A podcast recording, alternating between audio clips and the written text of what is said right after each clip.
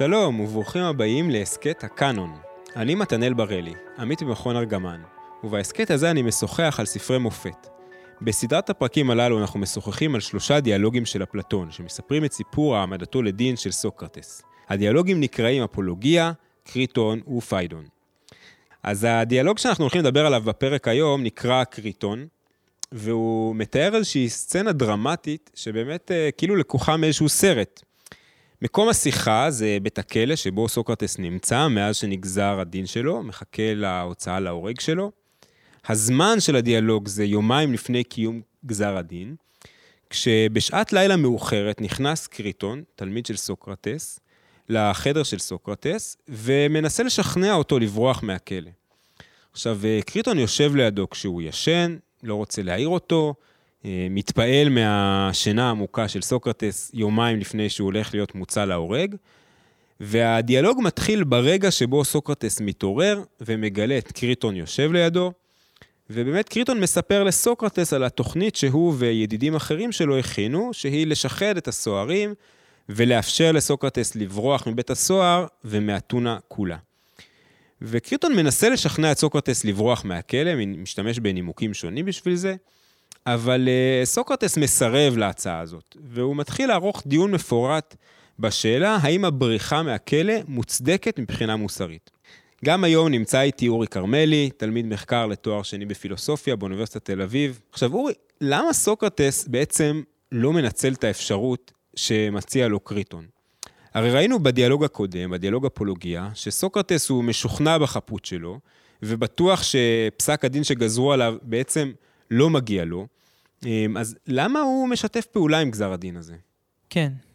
אה, סוקרטס אה, אכן חושב שהוא, שהוא אמור להיות מוצא להורג אה, שלא כצדק. כשהוא נשאל מה לדעתו צריך להיות גזר דינו, אז הוא אומר, אתם צריכים לתת לי מקום של כבוד בשערי העיר. Mm-hmm. זאת אומרת, אין שום ספק שהוא חושב שהוא לא אמור להיות בבית כלא והוא לא אמור להיות מוצא להורג. אה, ועדיין כשקריטון בא ומציע לו את האפשרות לחמוק, הוא מסרב. וסוקרטס אה, מעלה טיעונים שונים, אבל אה, נכון לומר שהוא מרגיש שתהיה איזשהו סוג של חוסר הגינות, אפילו הייתי אומר כפיות טובה, אם נוכח העובדה שהוא חי באתונה ו...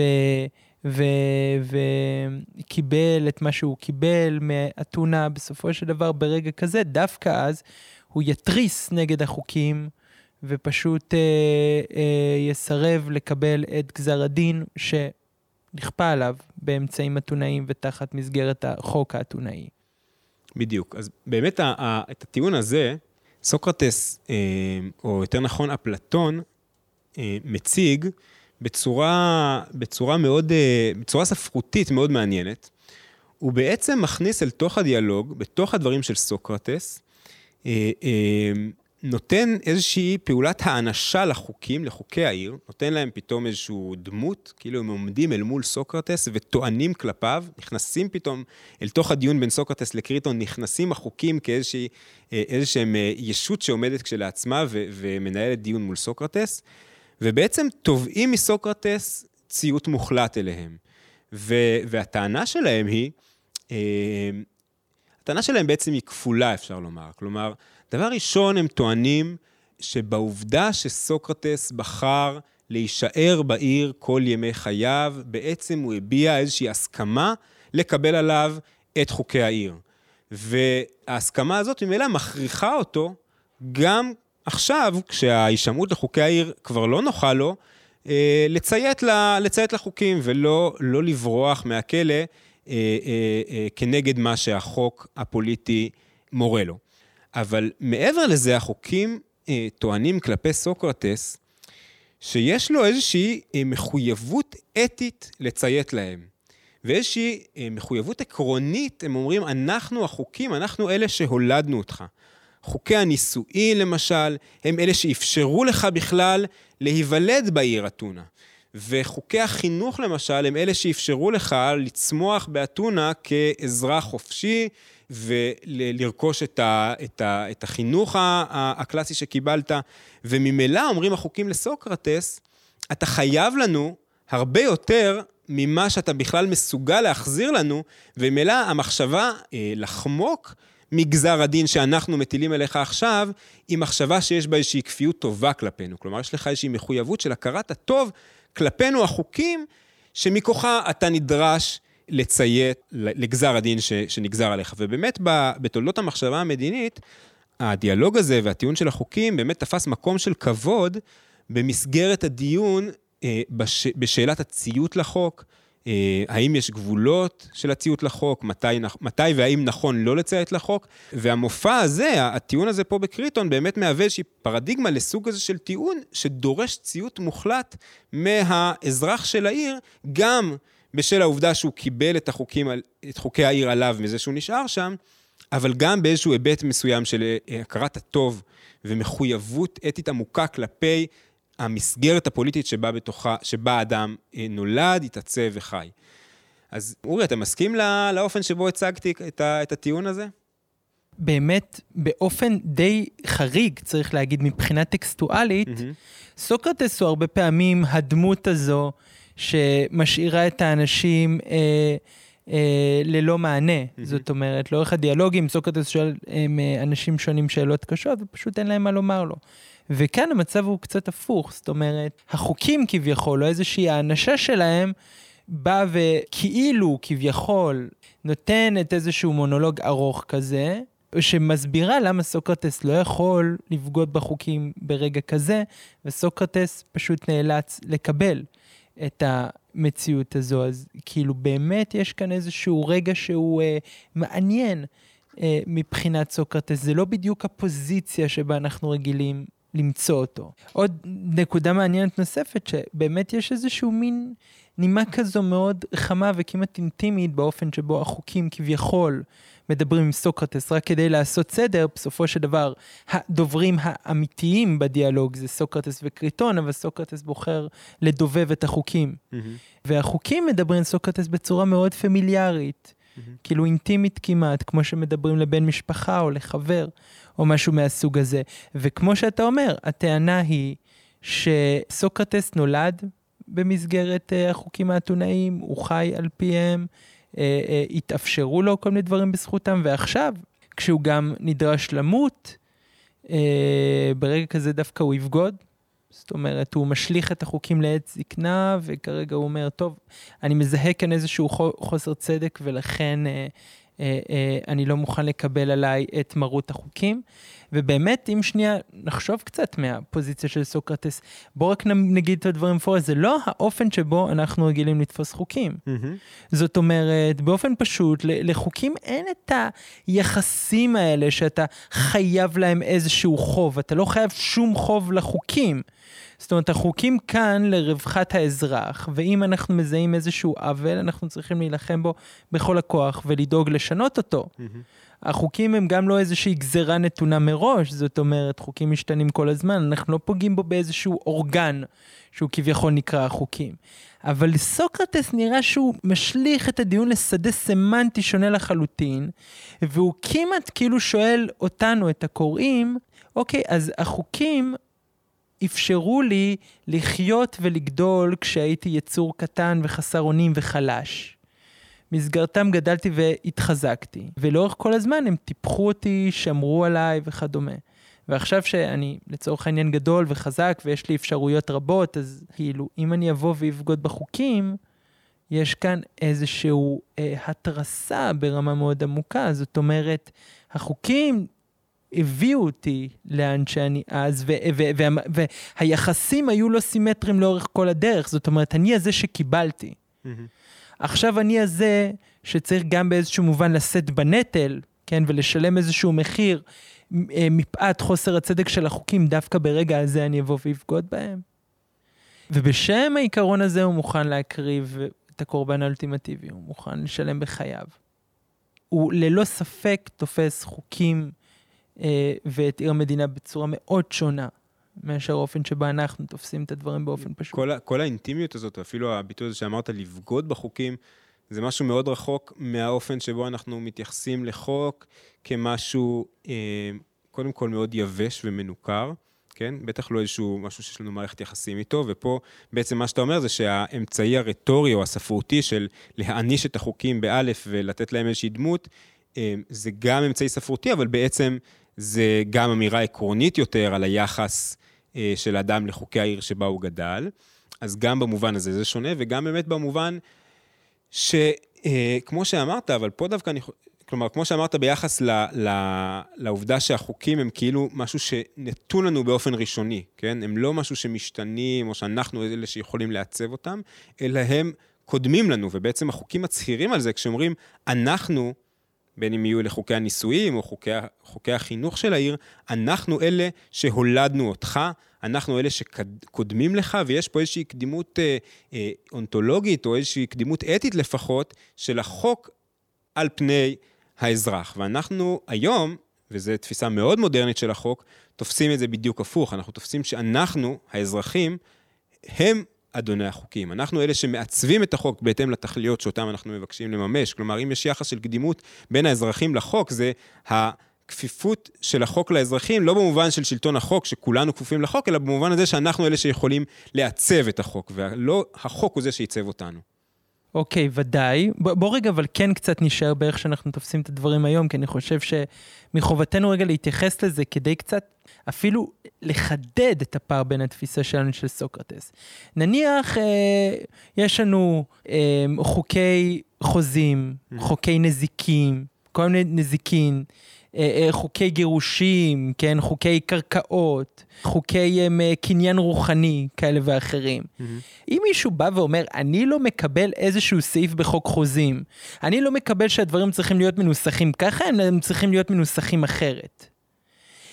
זה כל כך מופרך לבוא ולומר שהוא בוגד באיזשהו אישות שהיא החוקים או משהו כזה, לא, זה עניין בירוקרטי. ואין שום דבר מקודש, זה עניין פרוצדורלי לחלוטין. אז כשסוקרטס בא ואומר, אוקיי, יש את חוקי המדינה ואני בוגד בהם, ברור שאנחנו קודם כל צריכים להבין אחרת את חוקי המדינה. Mm-hmm. ואני רוצה להציע את הדבר הבא, שאם אנחנו מנסים למצוא את ההקבלה אל ימינו בדברי סוקרטס זה לא בדיוק חוקים, זה חוקים באיזשהו מובן מאוד ראשוני כזה, שכאילו אי אפשר לייצר בכלל הבחנה בינם לבין צורות חיים. בינם לבין החברה. כן, בינם לבין צורת החיים המסוימת של החברה הנוכחית. זאת אומרת, זה, זה, זה כאילו... הנורמה שלנו, צורת ההיות שלנו, כן?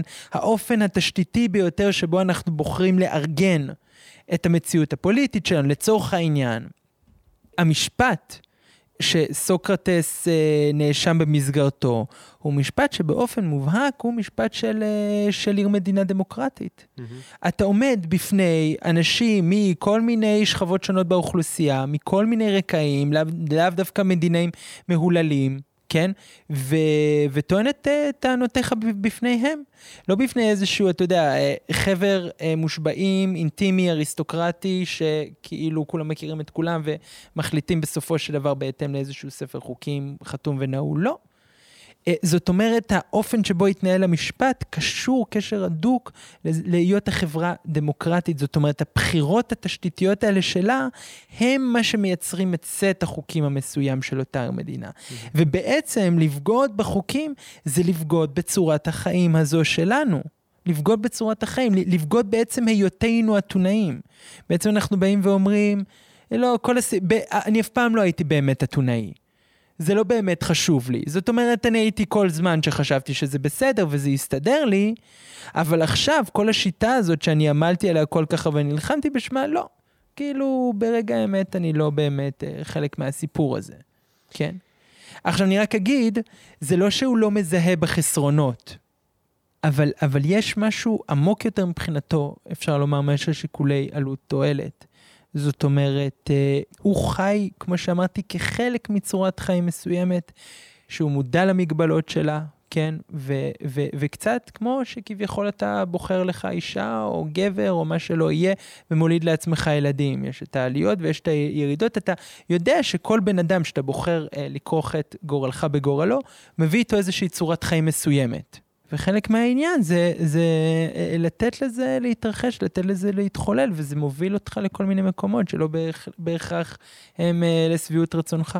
אז באמת במשפטים האחרונים שאמרת, הכנסת עוד איזושהי נקודה שאני אה, חושב שהיא נוכחת פה, והיא קשורה למה שאמרתי, קראתי לו הטיעון הראשון של החוקים מציבים בפניו, והוא הטיעון שאתה הסכמת לחיות, לחיות לאור החוקים האלו בזה שנשארת בעיר המדינה שבה נולדת. כלומר, זה לא רק איזושהי טענה מאוד, אה, לא רוצה לומר טוטאלית, אבל כלומר של איזושהי מחויבות מוחלטת כלפי העבר, כלפי המסורת והתרבות שבה אדם נולד, שאין לו אפשרות לחמוק ממנה. החוקים אומרים, אנחנו מבינים שעצם העובדה שהולדנו אותך, עוד, עוד לא יוצרת את המחויבות המלאה שאנחנו מבקשים ממך כיום, לולא העובדה שבחרת להישאר בעיר. כלומר, אם היית בוחר לעזוב את עיר המדינה אתונה ולעבור לעיר מדינה אחרת או לעבור למקומות אחרים, באמת לא היינו יכולים להמשיך לדרוש את אותה רמה של uh, ציות ומחויבות כלפי החוקים, אבל המקור או הלגיטימציה לטענה הטוטלית שלנו קשורה בעובדה שהסכמת להישאר בעיר, שהסכמת לקבל על עצמך את מה שהעיר או התרבות, כמו שאתה אומר, או החברה uh, מציבה בפניך. אני חושב שכאן באמת יש גם איזושהי נקודה עמוקה מאוד. האמירה הזו יותר רב שכבתית ממה שניתן אה, לראות במבט ראשון, כי צריך להביא בחשבון שסוקרטס יכול לטעון, כן, נכון, אני הסכמתי לחיות פה, אבל אי אפשר לומר שאני לא התנגדתי בכל תוקף לכל מיני החלטות ולכל מיני נורמות שהיו מושרשות באופן עמוק בחברה האתונאית. Mm-hmm. זאת אומרת, אז לסוקרטס יש את כל הפריבילגיה לבוא ולומר לחוקים, אה, אוקיי, בסדר, אני חייתי פה, אבל מ-day one, מהרגע הראשון, אני אמרתי שיש דברים שאני חושב שהם פשוט בעייתיים באופן עמוק, ו- ואותם אני לא מוכן לקבל, פשוט מאוד. יותר מזה, כלומר, כמו שראינו בדיאלוג הקודם, מבחינתו, כל הסיבה שבגינה מאשימים אותו, כל העשייה הפילוסופית שלו וההתעסקות שלו ברחובות העיר עם הצעירים וכולי, נבעה מתוך דאגה עמוקה לגורל העיר, כן? כלומר, המחויבות של סוקרטס להצלחת העיר ולטובת העיר לא מוטלת בספק מבחינתו, להפך, זה היה מקור המוטיבציה העמוקה של כל מה שהוא עשה ושל כל מה שעכשיו מאשימים אותו בגינו. נכון, במילים אחרות, סוקרטס אפילו היה אומר, אני עכשיו בורח מבית הכלא, כדי למנוע מהעיר ורוח העיר את העונש, את, ה, את המצב הנורא הזה של אה, אה, גרימת אה, מוות לחף מפשע. Mm-hmm. זאת אומרת, אני עכשיו דווקא מחזיר איזשהו חוב בזה שאני מאפשר לצדק אה, אה, להתרחש באתונה, גם בניגוד לחוקים. ו- וסוקרטס אבל לא בוחר לומר גם את זה. Mm-hmm. אבל זה לכאורה, בכך מועצם את השאלה, נכון. כן? ו- ואני אגיד אפילו יותר מזה, לא רק השאלה, אלא אני חושב שזה גם קצת עומד במתח אל מול כל היחס שהצגנו ב- בשיחה שלנו על הדיאלוג הקודם, על הפולוגיה, היחס של סוקרטס לעיר. כלומר, שם העמדנו את הפילוסוף בתור משהו שבאופן מאוד אינהרנטי, מאוד בסיסי, עומד במתח אל מול העיר. ומציב סימני שאלה לקונבנציות המקובלות. אני אפילו אמרתי שאולי יש משהו אה, חתרני במהות של הפילוסוף כלפי, כלפי העיר. ופה מנגד אנחנו רואים באמת איזושהי קבלה מוחלטת של סוקרטס את חוקי העיר. הוא לא מוכן ללכת עם קריטון ועם החברים שלו ולקבל את התוכנית שלהם ולברוח בגלל הנאמנות הבלתי מתפשרת שהוא אה, תובע מעצמו כלפי החוקים. ואיך באמת, איך באמת אתה, אתה חושב שאפשר ליישב, או לפחות להבין, את הצורה השונה שבה הפילוסוף עומד פה אל מול, אל מול חוקי העיר. נהדר. אני לפני, לפני שנתייחס לנקודה הזו, אני רוצה, אני רוצה אפילו לחדד את השאלה, mm-hmm. שכמעט יכול להיראות שסוקרטס אה, הפך כאן את עורו. Mm-hmm. כי אה, לאורך הדיאלוגים השונים אנחנו נתקלים בסוקרטס המתריס, המתסיס, המתנגד, הלא מוכן לקבל מרות, מצד הגורמי הכוח והידע הקלאסיים של העיר, ויתרה מכך, גם מעמיד את האמת והטוב המופשטים במרכז בלי שום מוכנות אה, לפשרות ושום קבלה של העובדה שהם אולי כפופים לדבר כזה או אחר. זאת אומרת, הוא לא מדבר על הטוב והצדק של העיר. Mm-hmm. הוא מדבר על הטוב והצדק שלעצמם, האם הם מופיעים בעיר או לא מופיעים בעיר, זה הרבה פעמים איזושהי הסחת דעת שהוא מסלק ברגע הראשון. כלומר, בוא נאמר, הוא זה שתובע מהחוקים, הוא זה, ש... הוא, הוא זה שתובע כלפי העיר, הוא לא זה שנתבע על ידי העיר. לאורך העיסוק הפילוסופי שלו זה בהחלט נראה ככה, זאת אומרת, סוקרטס כמין דמות שיש לה פוטנציאל אנרכיסטי ומתסיס שמעניין אותה אך ורק איזה שהם סטנדרטים מופשטים ואידאים לחלוטין של אמת וצדק וטוב, ובשם הדבר הזה הוא לא מקבל עליו שום חוק, שום נורמה ושום סמכות. Mm-hmm. ופתאום אותו סוקרטס, בא ומוכן לקבל איזשהו חוסר צדק חד ומובחן, כן, שגם יעלה לו בחייו בסופו של דבר, ולמה? בגלל שהעיר, אבל מה זה בכלל העיר? מתי דיברת על העיר? מאיפה השיקול הזה הגיע? Mm-hmm. ואני חושב ש...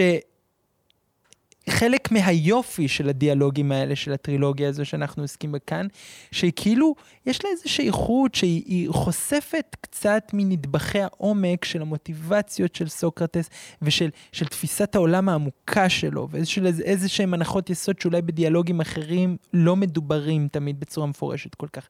וכאן אני חושב, נמצא הרעיון בעצם שכל זמן שהוא בא והקשב ודרש ושאל, mm-hmm. בעצם הייתה איזושהי תשתית שהייתה אולי נסתרת בפני הקורא, זה שכדי להקשות בצורה עיקשת כל כך, כדי להתריס בצורה מוחלטת כל כך, צריך להיות ברור מעבר לכל ספק שאתה רוצה את הטוב. Mm-hmm. שאתה בסופו של דבר נאמן.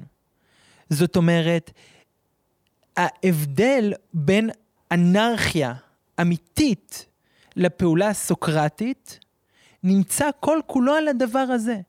שסוקרטס בסופו של דבר, הוא קם בבוקר כאתונאי והוא הולך לישון כאתונאי, ובסוף היום הוא יקבל על עצמו את חוקי אתונה, גם אם בין לבין הוא יהיה המתנגד הכי נחרץ והכי חד, ו- ו- ולא יקבל עליו שום חוק, אבל בסופו של דבר, ברגע האמת, הוא באמת ישתף פעולה עם הדבר הזה. זאת אומרת, ומבחינתו, כדי להרוויח את היכולת לדון ולהקשות באמת, צריך שיהיה ברור שבסופו של דבר המוטיבציות שלך הן לטובת הפרויקט המשותף. זאת אומרת, במובן מסוים, מה שנותן לגיטימציה לכל הפרויקט שלו, מה שנותן את הלגיטימציה לשאלת השאלות שלו, זה הפוזיציה הזו.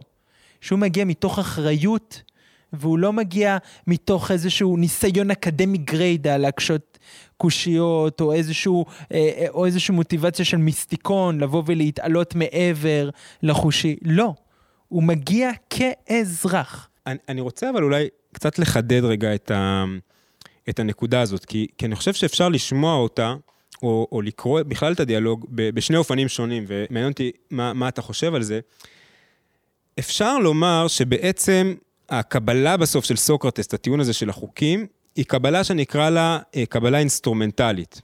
כלומר, סוקרטס מבין שבסופו של דבר, בשביל אה, אה, לחיות בחברה מתפקדת, בשביל לחיות בחברה שמאפשרת את כל מה שהוא קורא לו של אה, חקירה פילוסופית ודאגה למידה הטובה וכולי וכולי, החוקים צריכים להישמר. בלי חוקים אנחנו, בלי, בלי שמירה על החוקים, בלי ציות מלא לחוקי העיר, אנחנו נידרדר לאיזושהי אנרכיה וכל העסק החברתי יקרוס ויתמוסס, ולכן סוקרטס מוכן לקבל על עצמו את חוקי העיר בנקודה הזאת, אבל לא בגלל שהוא השתכנע באופן עמוק מהטענה שלהם שהם אלו שגידלו אותו, שהוא חייב להם הכרת הטוב באופן עמוק, שכל מה שיש לו מגיע מכוח העיר. לא, לא, לא, סוקרטס הוא זה שעומד אל מול העיר.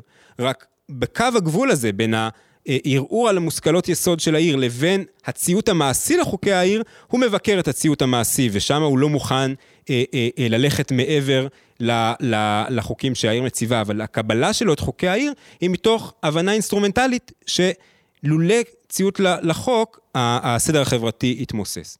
לעומת זאת, אפשר לקרוא את זה בתור קבלה הרבה יותר מהותית, הרבה יותר פנימית של סוקרטס, את הטיעון שהוא עצמו שם בפי החוקים, בתור הבנה שבאמת הסיבה שאני צריך לציית לחוק היא לא רק בגלל החשש מה יקרה אם אני לא אציית לחוק, ואנשים אחרים בעקבותיי לא יצייתו לחוק, אלא כי הוא באמת מקבל את הקדימות הזאת שהחוקים מעמידים בפניו, הוא באמת מקבל את ההכרת הטוב הזאת שהחוקים אה, אה, אה, דורשים ממנו, הוא באמת מקבל את הטענה שביסודו של דבר כל הפרויקט הפילוסופי שלו לא היה יכול לצמוח אלמלא המסגרת הפוליטית שבתוכה הוא חי. ו- ומעניין אותי איך אתה, איך אתה בוחר לקרוא את, ה, את הרגע הזה שבו סוקרטס מקבל את חוקי העיר ואת הטיעון הזה שהחוקים מעמידים בפניו?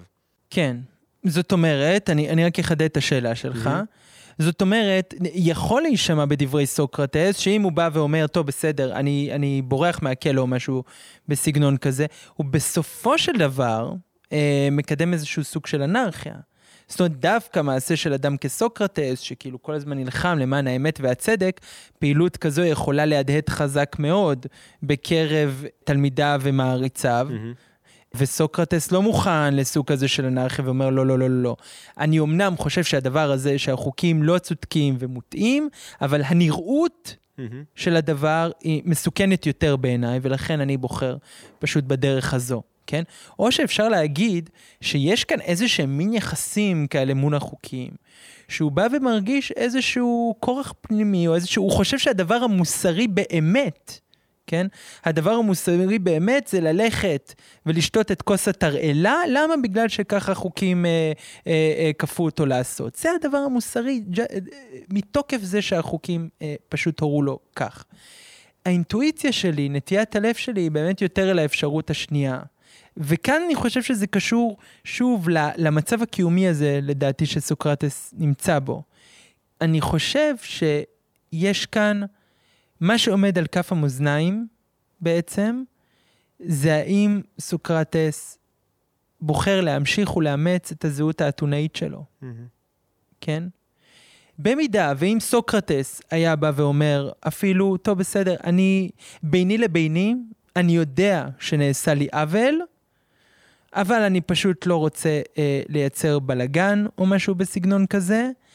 אני מרגיש שאז באותו רגע אה, הוא לא היה מת כאתונאי. אותה אתונה שהתנכרה לו, כאילו. כן, כן, הוא, הוא, כאילו, הוא כאילו היה בא ומוותר. כאילו, אה, באופן עמוק יש איזשהו טריז. אני, אני הולך למיטה, למיטתי, למוות שלי, כשיש איזשהו טריז ביני לבין אה, אה, המסורת אתונאית, ביני לבין אה, פטרוני העיר, אתנה, האלה אתנה, אה, המייסד האגדי, המייסדים, סולון, המייסד האגדי שלה וכולי. Mm-hmm. אה, אני הולך למיטה, למיטתי באופן כזה. אני חושב שכשסוקרטס מסתכל על כל אלה, כן, על כל המסורות ועל תשתית העומק של, אה, של התרבות האתונאית, אני חושב שיש בו משהו שבסופו של דבר הוא חשוב לו אולי יותר מכל דבר אחר, ולזה הוא הקדיש את החיים שלו, להמשיך ולראות את עצמו כאבן דרך משמעותית כחלק מהפרויקט האתונאי.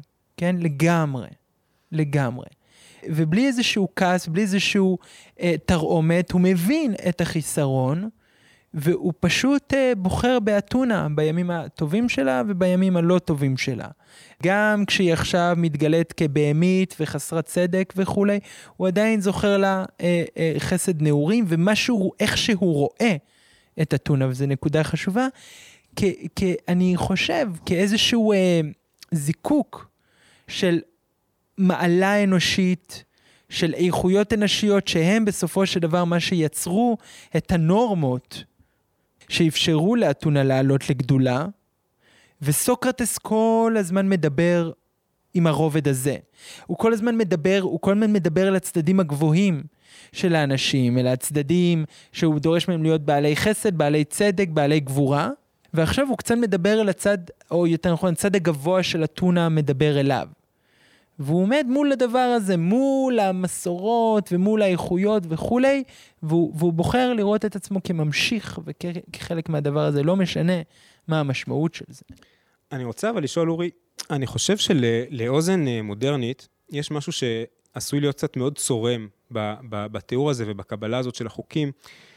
אנחנו אה, מאוד אה, מורגלים בהבחנה המודרנית בין חוק למוסר, ובטענה שהחוק לא בהכרח משקף תמיד את המוסר. ואנחנו אפילו מעלים על נס אנשים שמוכנים לעמוד אל מול החוק ולומר, החוק עירום.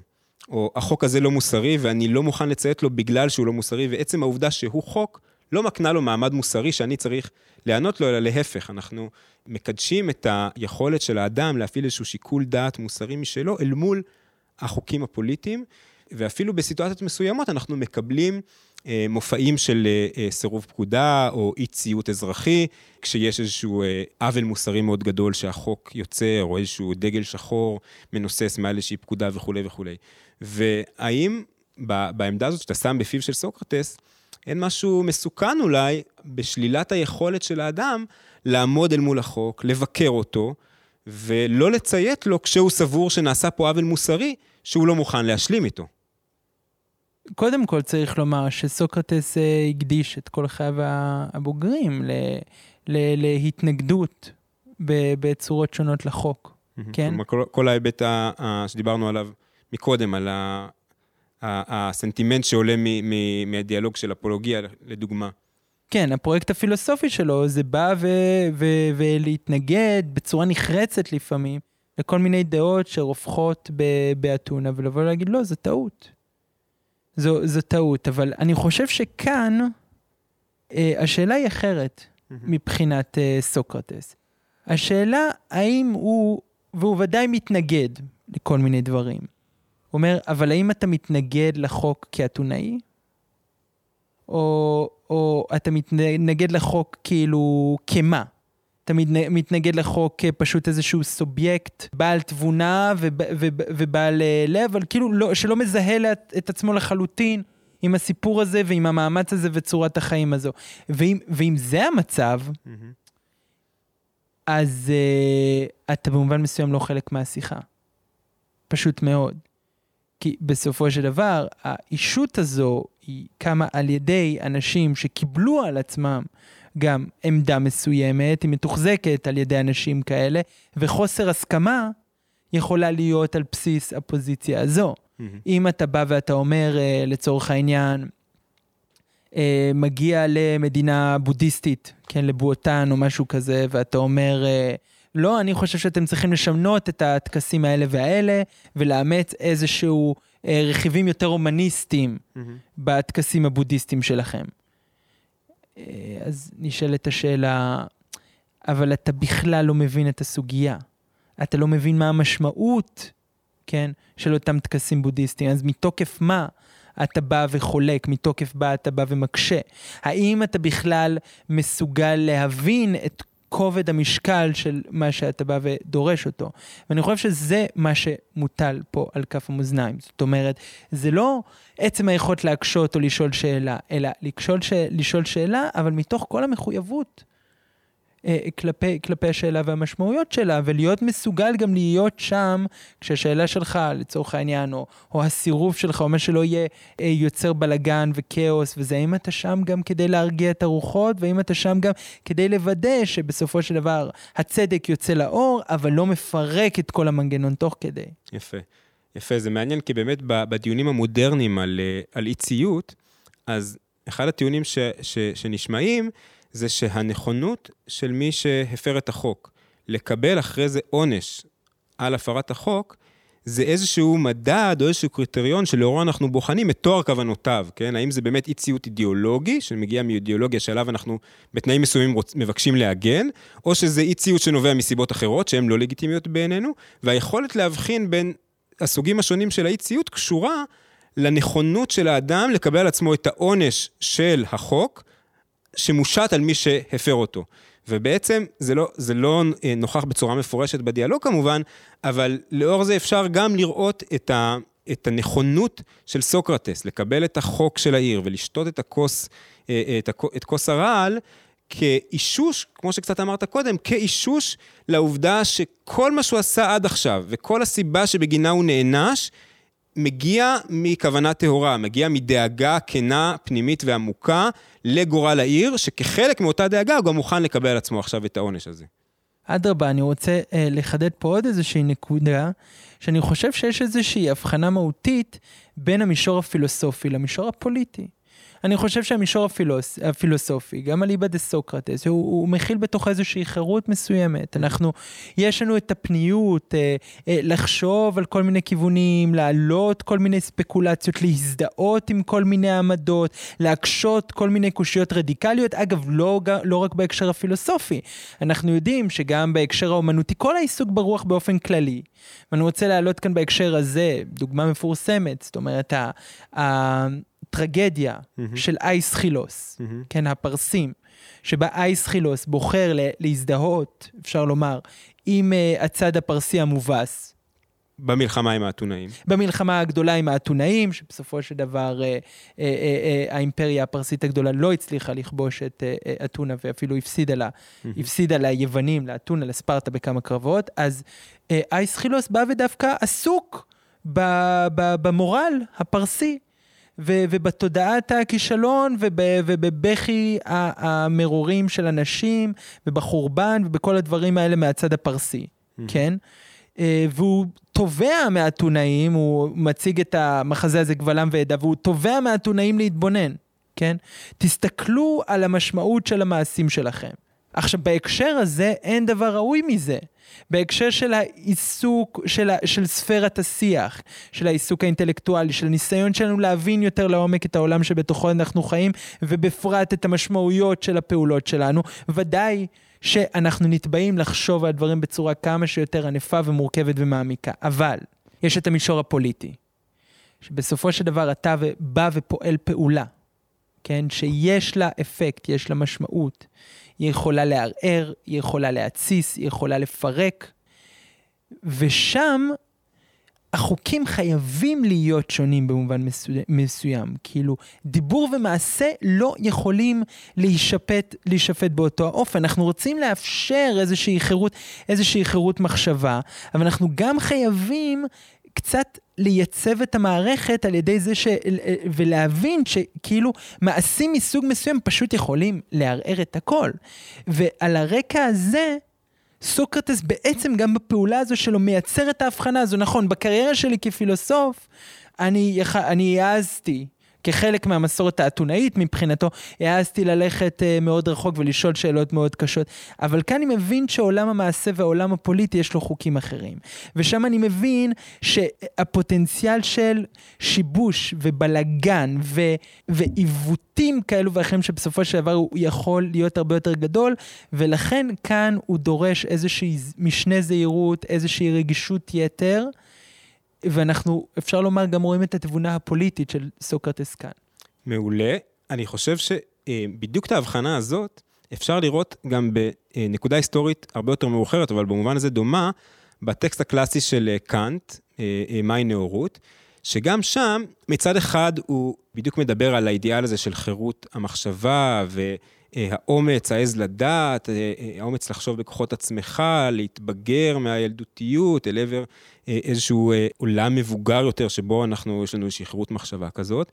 ומצד שני, קאנט בצורה מאוד ברורה מעמיד שם גבול של שאלת הציות הפוליטי. ואומר, מבין מצד אחד את הפוטנציאל האנרכי, או החתרני, או המסוכן לסדר וליציבות הפוליטיים, שאותו אידיאל של חירות מחשבה אה, פותח, את הפוטנציאל שהוא מעמיד, ולכן הוא טורח לבצר את הסדר הפוליטי בתור משהו שעליו חירות המחשבה אה, לא יכולה לערער, עד שמה, עד הציות לשליט, ובאמת ההבחנה הזאתי בתקופות מאוחרות יותר ביקרו את קאנט כ- כמי שלא היה מוכן לקחת את האומץ לחשוב אה, צעד אחד קדימה, וכאילו אה, יצא איזשהו, כאיזשהו שמרן שמגונן על הסדר הפוליטי ולא מוכן להבין שלחירות המחשבה יש גם אלמנט רדיקלי שיכול לבוא בערעור הפוליטי, בערעור ההנחיות וה, והחוקים שהשליט מעמיד. מעולה. אני רוצה רק לומר, שכאילו לפחות אני אומר כאן את דעתי האישית, בלי שום קשר, באמת, אפשר לנהל את הדיון על קאנט, mm-hmm. אבל, וזו דוגמה שופכת אור בהקשר הזה, אבל לדעתי האישית, ולעניות דעתי ולהבנתי גם אה, עמדתו של סוקרטס, רצוי ומותר שגם בסופו של דבר הסדר הפוליטי והחוקי ישתנה. Mm-hmm. זאת אומרת, אין שום טאבו על הדבר אין הזה. אין קדושה לסדר הקיים. זאת אומרת, יכול, יש לו ערך. Mm-hmm. יש לו ערך, יש לו מעמד. זה ברור שהעובדה שדברים מתנהלים בצורה מסוימת והעולם לא מתפרק, זה כבר משהו, ואנחנו צריכים אה, להיות קשובים ורגישים לדבר הזה, אבל גם ברור שיש הרבה מאוד עוולות ויש הרבה מאוד בלאגן, ואדרבה, הדבר האזרחי האחראי זה לבוא, להילחם בכל הכוח מול העוולות האלה, ולדרוש את התיקון והשינוי שלהם למעשה, זה מה שבני אדם בוגרים עושים כל הזמן, mm-hmm. ובלי זה היינו במקום הרבה הרבה יותר בעייתי. כל זה טוב ויפה ונכון ושריר וקיים, ואני חושב שסוקרטס מבין את זה היטב, אבל אני חושב ש... ברמה עמוקה צריך להבין כאן את ההבדל בין דינמיקה של מחשבה לבין דינמיקה של מעשה. בפרט מעשה פוליטי. ואני רוצה אולי להביא כאן איזשהו סוג של אנלוגיה או איזשהו סוג של משל כזה, אם תרצה, כדי להמחיש את הנקודה הזו. המחשבה היא קצת כמו לצייר על אה, לוח מחיק. יש לך הרבה מאוד צבעים, לצורך העניין, כחול, אדום, סגול, אתה יכול לצייר בהרבה מאוד צבעים. אתה יכול לצייר כל מיני אה, דברים אבסטרקטיים מורכבים, אתה יכול להביא את קנדינסקי שיצייר לך משהו מורכב מאוד ומופשט, אתה יכול להביא את פיקאסו שיצייר לך דברים קוביס, קוביסטיים, אתה יכול להביא את ליאונרדו דה וינצ'י, אתה יכול לצייר ולהציג הרבה מאוד רעיונות מופשטים ומורכבים מאוד, ואז כשתם הטקס אתה מגיע, מוחק, ומצייר משהו חדש. Mm-hmm. הכל בסדר, זה נהדר וזה חשוב, וזה מלמד הרבה אודות המציאות. אבל המעשה, והמעשה הפוליטי בפרט, זה קצת כמו לחצוב באבן. זה לא פשוט. צריך לדעת בדיוק מה אתה עושה, ואם אתה מתחיל לחצוב את האות א', ופתאום אתה רוצה לחצוב את האות ב', יש לנו בעיה. כן? כי אי אפשר למחוק באמצע. ואם פתאום האזמל קצת בורחת לך ואתה משאיר איזשהו מכתש כזה במרכז האבן, פגמת באבן. ויכול להיות שאנחנו צריכים להחליף את כל העסק ולהתחיל מההתחלה. עכשיו, אדרבה, אין שום בעיה שפועלים uh, מיומנים, שסטטי אבן מיומנים, יבואו ויסטטו, יכרתו תבליות כמה שיותר מתוחכמות ועשירות, אבל צריך להבין שזו מלאכה הרבה יותר מסוכנת. וראוי לה שתעשה בקשב רב ובאיטיות ומתוך תשומת לב. וה, וההבנה הזו, אני חושב, מפעמת בטקסט הסוקרטי. עולם המחשבה יש לו את האיכויות שלו, וראוי לו להיות חופשי ורענן ועשיר מאוד. אלסטי. אלסטי. אבל עולם המעשה, הוא דברים באים אחד על חשבון השני, טעויות עולות ביוקר, ולעיתים גם בלתי הפיכות. חזק מאוד. תודה רבה, אורי. בשמחה. אה, היה לי תענוג אה, לשוחח איתך על הדיאלוג הזה ועל הטיעון המעניין הזה. אה, תודה לכם המאזינים שהייתם איתנו בעוד פרק אה, על הטרילוגיה של משפטו ומותו של סוקרטס. תודה לאלקנה שערך את ההסכת. ההסכת זמין בכל אפליקציות ההסכתים המובילות. ניפגש בפרק הבא.